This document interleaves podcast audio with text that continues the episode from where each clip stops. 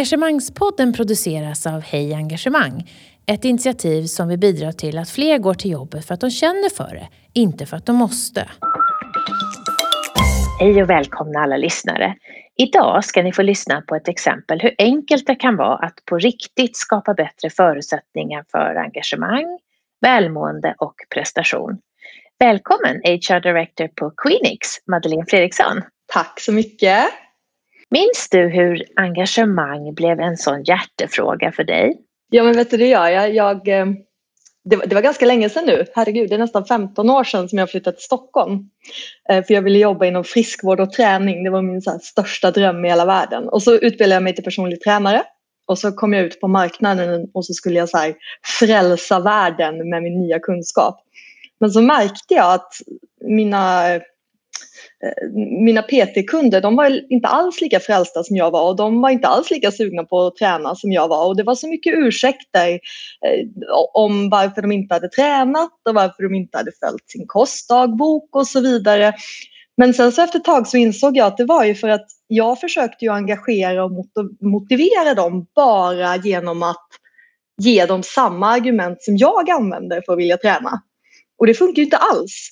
Utan varje människa har ju olika anledningar till varför de vill träna.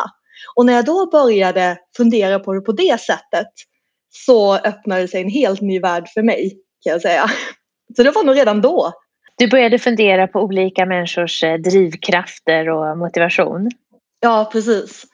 Eh, för jag jobbade parallellt med eh, att ha personalansvar på gymmet. Så då tänkte jag, men vänta nu, är det samma sak med min personal kanske? Vad känner du särskilt engagemang för idag, mars 2020? Nej, men jag måste nog säga det. Jag tycker det är så himla fint hur eh, världen och Sverige och UK där jag är nu, hur alla, hur alla kommer tillsammans i tuffa tider och hur mycket godhet det finns i världen. Det, det känner jag mycket engagemang för idag. Väldigt kort om Queenix. Ni är ett svenskgrundat bolag. Ni har funnits i över 15 år. Ni säljer mjukvara för personalplanering till stora kunder och ni växer så det knakar. Hur gör du eh, mest nytta som HR-ansvarig? Ja, som HR så är det väldigt mycket olika saker som man får göra på dagarna. Eh, I och med att du arbetar med människor så vet du ju aldrig vad din nästa arbetsuppgift ska vara. Jag tror att den största nyttan som jag gör är att jag jag finns där för de anställda eh, när det behövs. Men också skapa en arbetsmiljö både för dem och deras chefer och ledare som gör att de kan må bra och trivas varje dag på jobbet. Hur definierar du arbetsmiljö? Vad, vad ser du framför dig när du tänker arbetsmiljö? Ja, det är ju allting ifrån känslan du har när du går in på jobbet på morgonen till stolen du sitter i eller toaletten du besöker eller kaffemaskinen. Det kan vara så himla mycket olika saker. Eh, men från mitt perspektiv så arbetsmiljö handlar mycket om kollegor, kultur och ledarskap. När tycker du att du gjorde som mest nytta på sistone? kan du plocka fram något exempel så att vi förstår hur du jobbar? Ja, i det här fallet så handlar det faktiskt mer om ledarskapsutveckling där jag kände att jag gjorde väldigt mycket nytta när jag hade en workshop för våra ledare om eh, självinsikt där de fick eh, sätta upp en spegel framför sig själva eh, under två och en halv timme. Som jag tror var väldigt tufft för dem men de var väldigt modiga och de eh, tog med sig många insikter om hur omvärlden kan uppfatta dem i deras ledarskap därifrån. Då kände jag mig supernyttig. Vad tog du med dig för insikt själv? Jag, att de är så himla modiga som vågar göra det här. Det kan inte ha varit lätt att vara så öppen och ärlig med sina utmaningar och funderingar runt det. Ni säger att eh, ni jobbar med medarbetarengagemang på strategisk nivå. Vad betyder det? Det betyder att för oss på Quinix så är medarbetarens engagemang en av våra viktigaste KPI som vi följer upp på genom året. Vår personal är vår största investering och också vår allra största kostnad. Så vi behöver följa trender och agera på trender eh, Eh, inom det här området. Eh, och också att vi, eh, att vi ser det som en del av vår framgång. Vi vill vara den typen av arbetsgivare som har ett högt engagemang och en låg stressnivå. Och, därför, och det är någonting som inte händer automatiskt. Berätta mer, det händer inte automatiskt. Vad är mest annorlunda med hur ni jobbar i praktiken jämfört med en verksamhet, en organisation som inte tar engagemang på lika stor, stort allvar? Ja, jag tror att vi lägger mer resurser än en del andra bolag på just medarbetarengagemang och hur vi arbetar med det. Jag lägger stora delar av min arbetstid på att enbart arbeta med att engagera medarbetarna. Och det gör vi genom att vi har eh, undersökningar varje månad. Och den datan eh, har jag sedan och analyserar i mitt, eh, på mina dashboards som jag har. För att jag ska kunna se om det är några oroande trender som pågår runt om i organisationen. Och om det är det, då kommer vi att agera på det för att vi vet hur viktigt det är. Och ibland är det jobbigt och ibland är det kostsamt. Men vi är övertygade om att det är en investering. Så att du mäter, sig, eller ni mäter säger du på månatlig basis eh, medarbetarengagemang enligt ENPS eh, eh eller vad använder ni för sätt att mäta? Ja, vi, vi använder tre stycken eh, huvudfrågor som vi skickar ut samma tid varje månad. Det är väldigt viktigt. Eh, människor har en förmåga att vara lite gladare på löningsdagen än vad de kanske är den 23.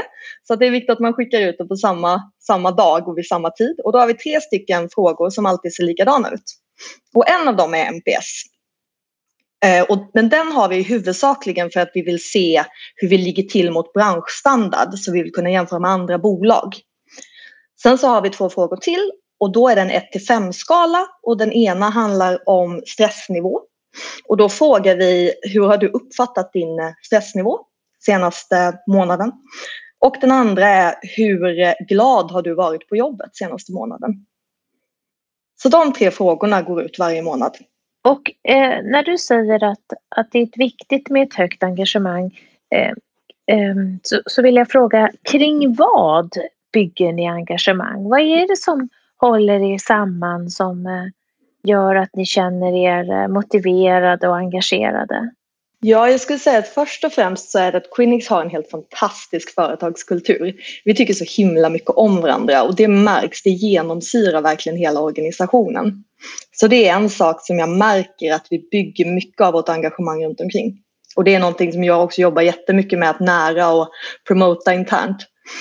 Men sen när det kommer till engagemang och vad människor brinner för så är det så himla olika. Så det gäller verkligen att, att borra ner ordentligt och ta reda på vad det är som engagerar individer för att kunna agera på rätt sätt. Om vi går tillbaka till era mätningar, ska vi prata mer om hur man liksom får ihop hela arbetssättet när man jobbar med datadriven HR? Um, ehm, vad, um, är det någon av de här Eh, faktorerna som, eh, som ni mäter som har mer avgörande inflytande på en medarbetares välbefinnande på jobbet skulle du säga? Nej, skulle jag säga. Utan jag skulle säga att det är en kombination. Det är klart att om du ser att någon inte är glad på jobbet det har ju en avgörande faktor för då är det ju någonting som inte står rätt till. Du kan ju vara stressad men fortfarande glad. Så det är därför vi frågar om till exempel då stressnivån. Vi frågar om den är negativ eller positiv, inte om den är hög eller låg. För att de sakerna är inte samma sak enligt mig. Eh, så att jag skulle säga att det är en kombination av dem allihopa eh, som vi, vi tittar på hela tiden. Låt oss ta ett exempel. Jag vet att ni i ett team ökade ENPS från minus 67 till 25. Bara så våra lyssnare förstår, vad säger de här siffrorna egentligen? Hur, hur, hur ska man tolka det? Ja, det som är med just NPSen är att det är en ganska elak skala. Den går mellan 0 till 10. Men de som ses som promoters, alltså aktivt engagerade, det är de som har svarat 9 till 10. Så att man måste vara väldigt, väldigt högt upp på skalan för att få ett så positivt NPS-resultat som vi till exempel har på hela bolaget. Men det det innebär i det här fallet det är att individer har flyttat sig från 0-7-skalan upp till 8, 9, 10. Det är det som har höjt upp våran NPS i just det här fallet. Så det betyder att människor har svarat mycket högre än vad de har gjort tidigare i om de skulle rekommendera Quinix. Och det är ju positivt. Och vad har ni gjort konkret, eh, berätta, för att åstadkomma den här förflyttningen i det här teamet som vi pratar om nu? Är det stora grejer eller har det tagit lång tid? I just det här teamet så det första som vi gjorde och det här är det arbetssättet som jag tycker om att ha internt. För som jag nämnde tidigare, engagemang och motivation ser olika ut för olika människor. Så det första som vi vill förstå det är vad är det egentligen som inte står rätt till här? Och det gör vi genom att ha ett engagemangsretrospektiv. I och med att vi är ett IT-bolag så vill vi ha lite tech-influenser även i HR.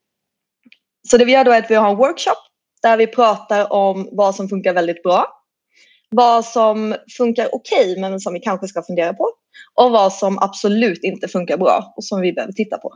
Och det kokar sedan ner till en lista med actions som vi tar för att det här ska bli bättre för de anställda. Kan du berätta lite så vi förstår vad, vad handlar det om? Är det liksom saker som tar flera år att ändra? Är det stort och smått blandat? Vad, vad svarar medarbetarna när man gör en sån där retro då? Det kan vara så himla olika och det är det som är så spännande med, med det här arbetet. I just det här fallet så var det, det fanns en eh, hög arbetsbelastning som, som vi lyfte upp och diskuterade och pratade om och som var jätteviktig. Och en sån sak tar ju lite längre tid att arbeta sig igenom. Det, där krävs det mer långsiktiga förändringar.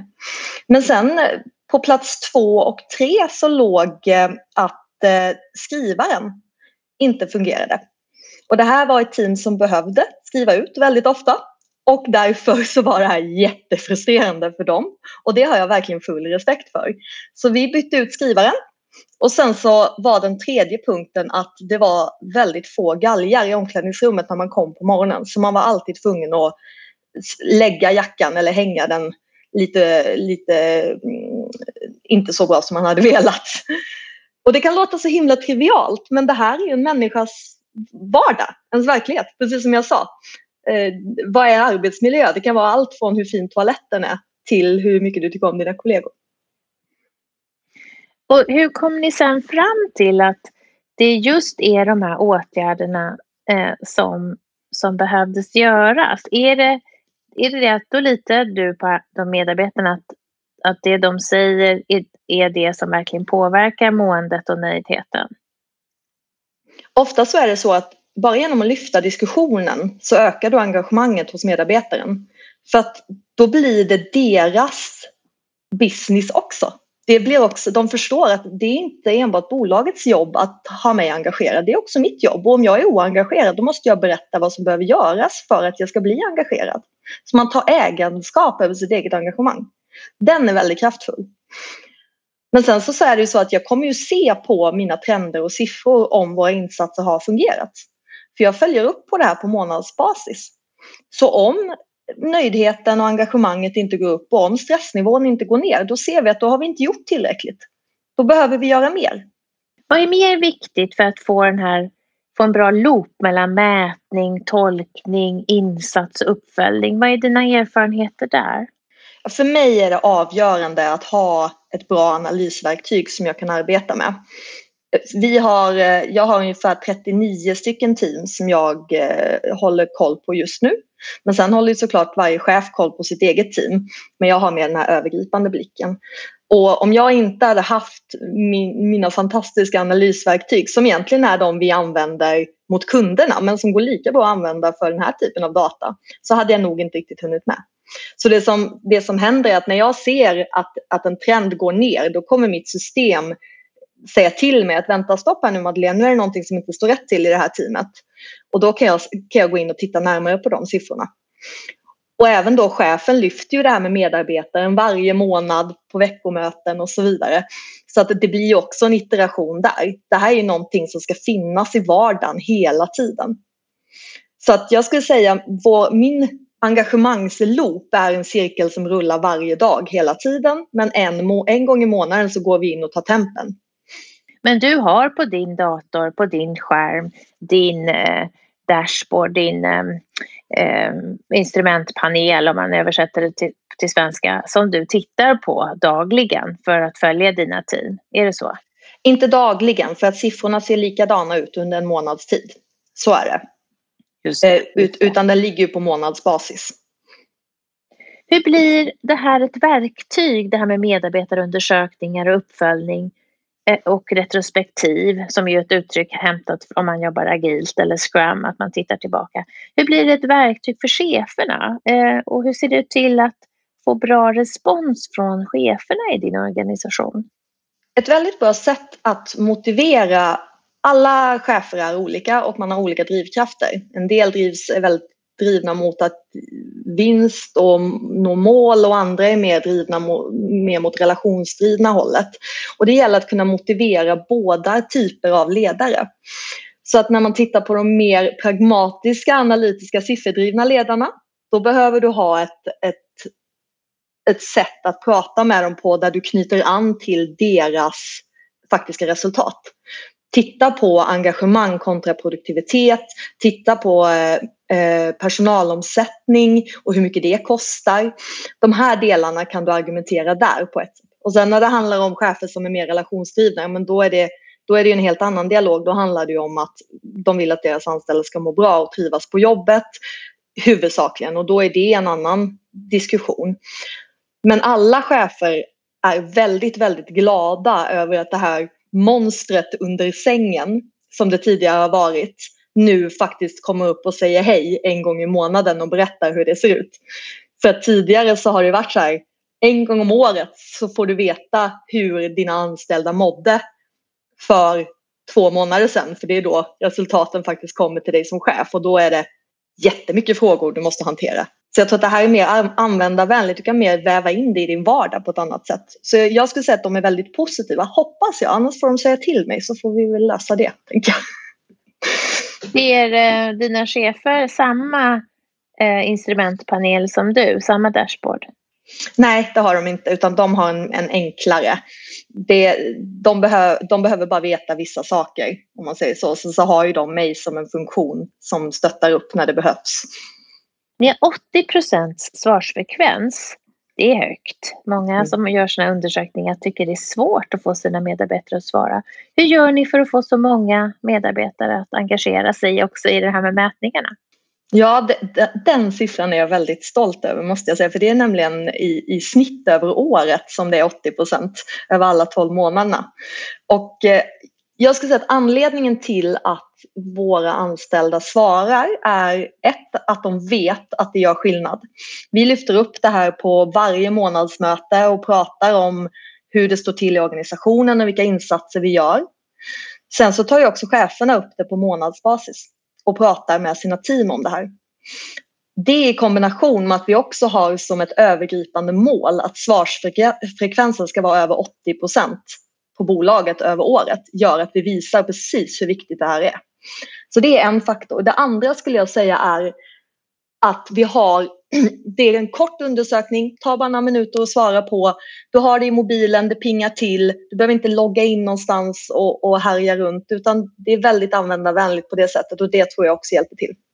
Du har ju funderat så mycket på det här med engagemang. Eh, har du funderat eller kan du reflektera över korrelationen mellan engagerade medarbetare, nöjda kunder, låga stressnivåer och hög produktivitet. Vad hänger ihop med vad, ser du? Jag har alltid haft en känsla av att allt det här hänger ihop och jag har alltid sagt att det har gjort det ända sedan min PT-tid.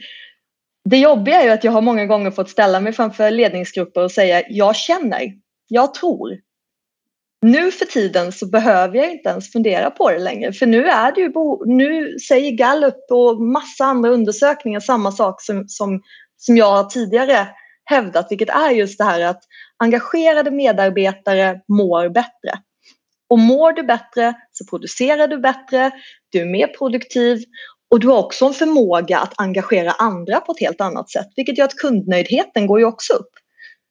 Det är bara så här, tänk, tänk på dig själv om du, om du har en superbra dag och skulle jobba i en butik eller om du har en ganska dålig dag och skulle jobba i en butik. När tror vi att kundupplevelsen är den bästa? Jag vet att jag är inte superkul när jag är på dåligt humör till exempel. Jag tror att jag skulle vara mycket trevligare medarbetare om jag var på gott humör och kände mig engagerad. Ni har ju ett, ett superhögt eh, EMPS för, eh, för hel, hela bolaget. Finns det något som är utmanande med att ligga så där högt? Att det nästan liksom inte går att bli bättre och att det händer någonting där på de höga nivåerna? Ja, det som jag tycker är utmanande det är att jag och mina kollegor är väldigt positiva drivna individer allihopa. Vilket gör att jag tror att ibland glömmer vi bort att reflektera över de förbättringspotential som faktiskt finns inom bolaget. Och den oroar mig lite grann om jag ska vara superärlig för nu ligger vi på en NPS mellan 50 och 60 vilket är som du säger jättehögt för ett så här expansivt bolag. Och jag funderar på, kan det verkligen vara så här himla bra? Och därför så behöver jag göra djupdykningar ibland med uppföljningsfrågor. Där jag borrar ner i saker som equality, till exempel, jämställdhet till exempel. Eller att jag tittar närmare på hur, eh, hur bra kommunikationen med ledaren är. Så att ibland kan man lägga till några frågor under året för att alltså kolla av alla olika parametrar. Så den är utmanande för mig, att, att jag tänker att man är så naturligt positiv så att man glömmer att svara lägre när det känns lite lägre. Sen det andra som jag tycker är eh, utmanande det är att när det är så mycket drivna individer på ett och samma ställe. Just det här med stressnivåerna och att se till så att personer har en bra balans mellan arbetsliv och, och familj och fritid. Den tycker jag är svår. Den får vi påminna varandra om ofta. Vad är det som är svårt där? Det är just det här att med ett högt engagemang och, och en hög motivation så kommer ju också driv. Och tänk att det är ett bolag som expanderar och det finns så himla mycket att göra och det finns så mycket spännande områden att hugga in i. Och så är vi ju på det här sättet att vi säger att det här låter som en jättebra idé, kör, kör. Men samtidigt så måste vi ibland säga nej, stopp, stopp. För att vi vet att men om du hugger tag i det här projektet så kommer du lägga din fritid på det för att du jobbar redan 100 procent på, på de andra sakerna. Och den, eh, den är utmanande. Du har ju sett många, många chefer och ledare. Vad tycker du är gemensamt för dem som är duktiga på att skapa engagemang i sitt team eller i bolaget? Jag skulle säga att de allra bästa ledarna som jag känner till de är otroligt medvetna om hur de uppfattas av sin omvärld. Och de använder de egenskaperna som verktyg. Så det är en av de parametrarna som, är, som jag ser hos väldigt duktiga ledare. Och sen är det också det här med att verkligen brinna för det du gör och brinna för ditt team och skapa den gemenskapen. Att vi gör det här tillsammans. Jag behöver er. Ni är så otroligt viktiga i det här. Och att kunna förmedla det och visa det genuint. Att visa på ömsesidigheten. Mm, att visa på ömsesidigheten. Och sen det sista som jag ser är väldigt viktigt det är också att ha en bra balans mellan att utmana sina medarbetare men också få dem att känna sig trygga. För ingen som är otrygg kommer våga utvecklas eller kommer våga göra ett misstag. Och då kommer vi inte komma vidare tillsammans. Och det där med mod och trygghet det blir ju extra viktigt när vi lever i osäkra och oförutsägbara tider tänker jag också. Absolut. Absolut, och det, men det är också det är alltid viktigt för en, eh, en, en individs anställning är en så stor del av, av deras liv. Så det är alltid superviktigt att se till att de känner sig trygga.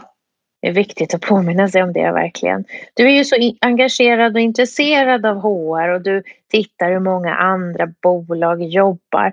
Om du, om du då jämför, vad tycker du att ni har lyckats allra bäst med i ert arbetssätt och i ert HR-arbete? Jag skulle vilja säga att det börjar med rekryteringen. Vi har aldrig kompromissat på vilka individer vi anställer.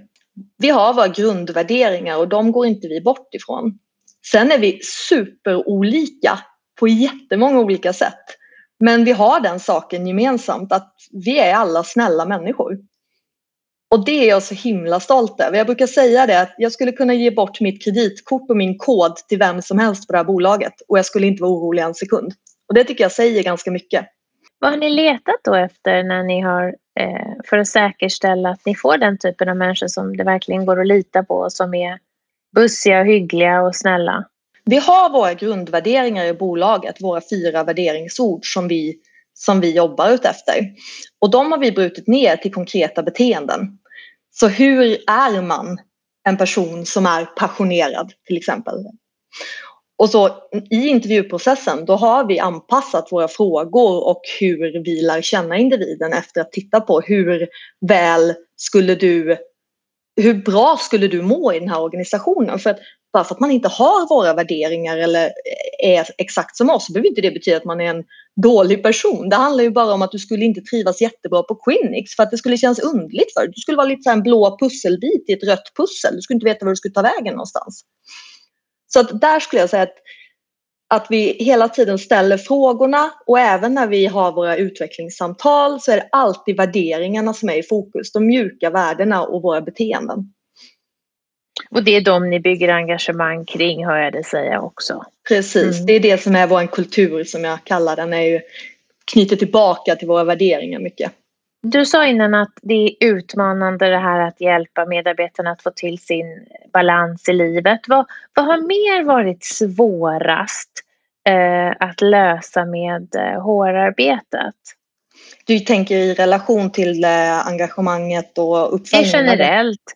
Och så när du också tittar på vad andra gör och du vet vad ni skulle kunna göra mer av. Vad, vad, vad har mer varit svårt och utmanande som ni ändå har löst?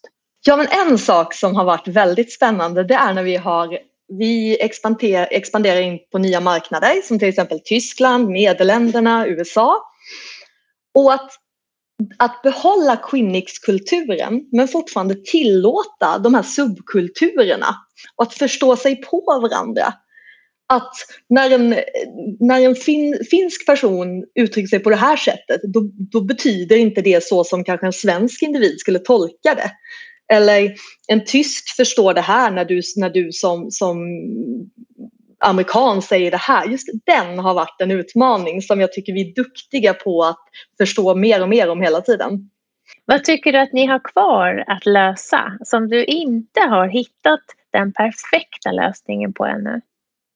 Ja men det är nog också det fortfarande. Hur vi är Quinix men i alla olika länder. Men sen också hur behåller vi våran fantastiska kultur medan vi växer så himla fort som vi gör. Jag menar innan så träffade jag varenda person som började på det här bolaget. Jag visste namnet på allihopa. Nu tror jag i och för sig att jag fortfarande vet namnet på alla i bolaget men jag tror inte många andra skulle kunna säga samma sak längre. Och just det att vi får inte bli en anonym massa. Vi måste hela tiden vara de individer som vi är i en grupp snarare. Och det tycker jag är svårt. Eh, och det kämpar vi med.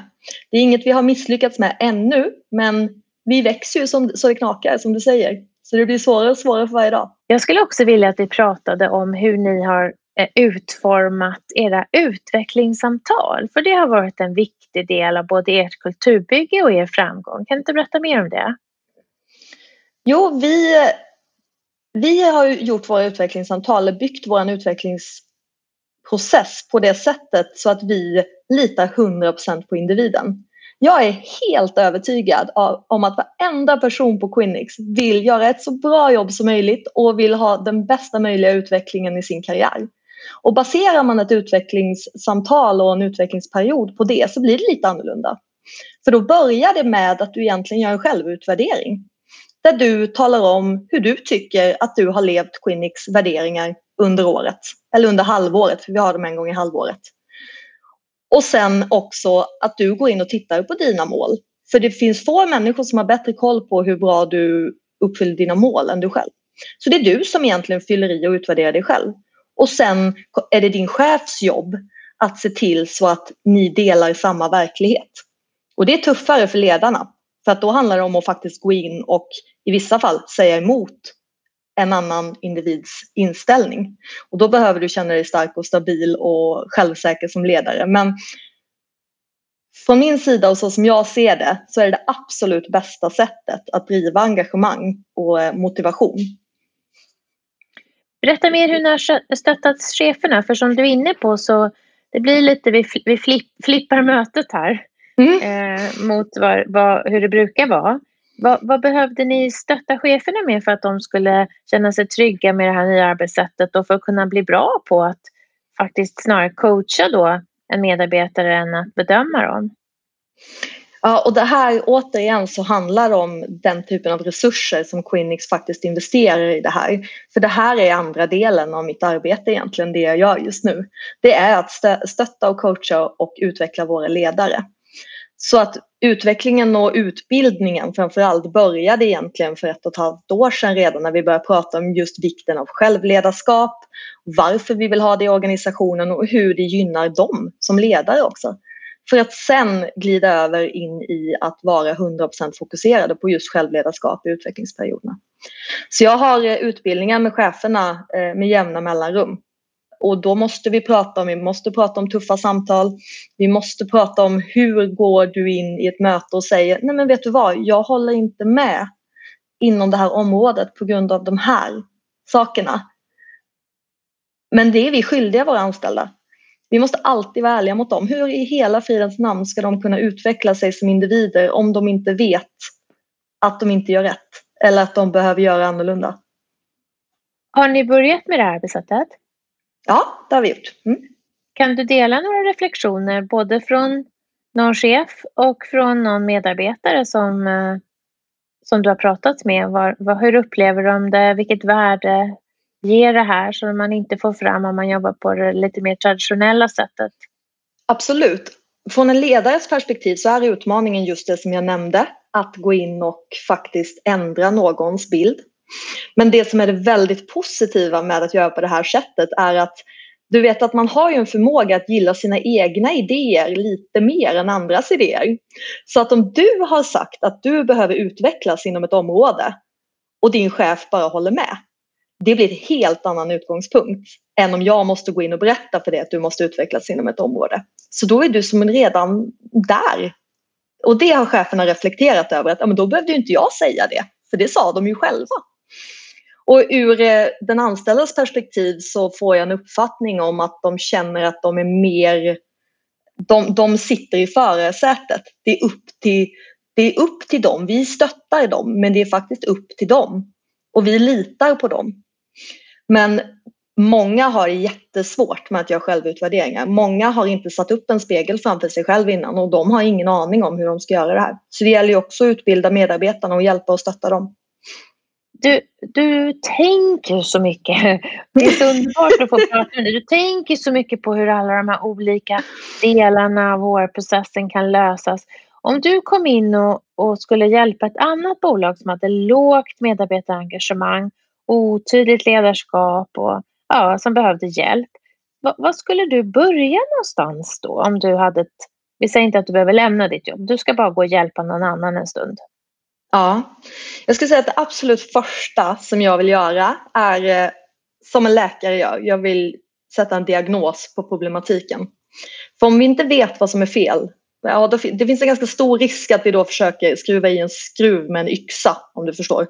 Att man gör mer generella insatser. Så jag skulle vilja djupdyka i var eh, är problemen just nu? Var är era utmaningar? Och sen specialanpassa lösningen ut efter just det. Vad skulle du använda för verktyg? Skulle det vara medarbetarintervjuer eller vad skulle du använda för verktyg för att förstå problematiken? Ja, det skulle bero lite på hur verksamheten, vilken mognad verksamheten skulle ha inom det här området och hur de skulle vilja att vi genomförde det här. Eh, jag skulle absolut kunna se medarbetarintervjuer men jag är en väldigt stor förespråkare för just de här pulserna och korta undersökningarna. Så steg ett, kort undersökning som man kan bryta ner på teamnivå. För då kan man se, okej, okay, var ligger engagemanget högt och var ligger engagemanget lågt? Kanon, då vet vi det. Då går vi in och tittar varför ligger engagemanget högt här och varför ligger det lågt där? Och så börjar man pussla ner på det sättet. Vi vet enligt olika undersökningar, bland annat Gallup, att många svenskar inte älskar att gå till jobbet. Varför tror du att det är så? Du som älskar att gå till jobbet. ja men precis. Jag kan säga jag har inte alltid älskat att gå till jobbet. Men det jag alltid har försökt göra är att göra någonting åt situationen. Jag ser det lite som att förhåll dig eller förändra. Så att jag tror att det jag gör som, viss, som andra kanske är, tycker är lite läskigt det är att jag byter jobb när det inte känns bra och när jag märker att det inte kommer gå att förändra det som jag inte tycker känns bra. Så det tror jag är en faktor, att vi glömmer bort att det är faktiskt vi som driver vår egen karriär och fattar den här typen av beslut. Så det är väl en del som jag tror gör att man kanske inte tycker det är jättekul alla gånger. Men sen är det också så att jag jobbar inom IT-branschen och jag har det ju hur lyxigt som helst här. Jag menar en utvecklare är ju som en enhörning. Du vet, man, man har hört talas om dem men man vet inte om de finns på riktigt. Så, så ovanliga är de ju nu för tiden och så eftertraktade. Så det är klart att det är lättare för mig att byta inom branscher eller inom, mellan bolag för det finns så, hö, så hög efterfrågan. Och här tar ju alla väldigt mycket väl hand om sin personal. Men det finns ju branscher där man inte har den lyxen och man har inte den tiden eller den möjligheten. Men där ser jag verkligen en förändring nu för att i takt med att man förstår att lönsamhet faktiskt kopplas till engagemang så kan man gå in på helt andra sätt i, i ett, i, till en ledningsgrupp och säga Hej, vill, är ni sugna på att tjäna lite mer pengar? Är ni sugna på att få ner personalomsättningen? Då kommer man se antennerna börja vifta på CFO där helt plötsligt. Så jag tror att det här kommer förändras. Men jag förstår att det kan vara jobbigt för många idag. Du, till slut så brukar jag fråga eh, så här. Eh, om du var engagemangsminister för en dag och eh, hade chansen att eh, påverka Eh, för, eh, ja, utvecklingen mot ett mer välmående och engagerat Sverige, vad skulle du göra då? Jag skulle gå in mot den publika sektorn, alla statliga verksamheter och lägga in ett mätvärde som handlar om rent engagemang hos de anställda. Och så, så, skulle jag sätta ett krav på att alla våra statliga verksamheter skulle ta, göra de insatser de behövde göra för att ha en viss nivå av engagemang. För att nu mer än någonsin så ser vi vilka det är som släpar det här samhället framåt när det verkligen gäller och det är de individerna som ska må som bäst från mitt perspektiv. Härligt svar. Stort tack för att du var med i Engagemangspodden och jag säger också tack till alla er som lyssnar. Det är så underbart när ni skickar feedback och vi vet att, eh, för då vet ju vi att, att eh, vi gör någon nytta i era arbetsliv och det är därför vi finns. Hej då! Hej då! Vi hoppas att vi har väckt tankar om hur du kan bidra till ett mer engagerat Sverige. På hejengagemang.se kan du hitta mer inspiration och tips kring hur du som individ, ledare och organisation kan jobba för att skapa ett ökat engagemang, välbefinnande och nya resultat. Tack för att du har lyssnat!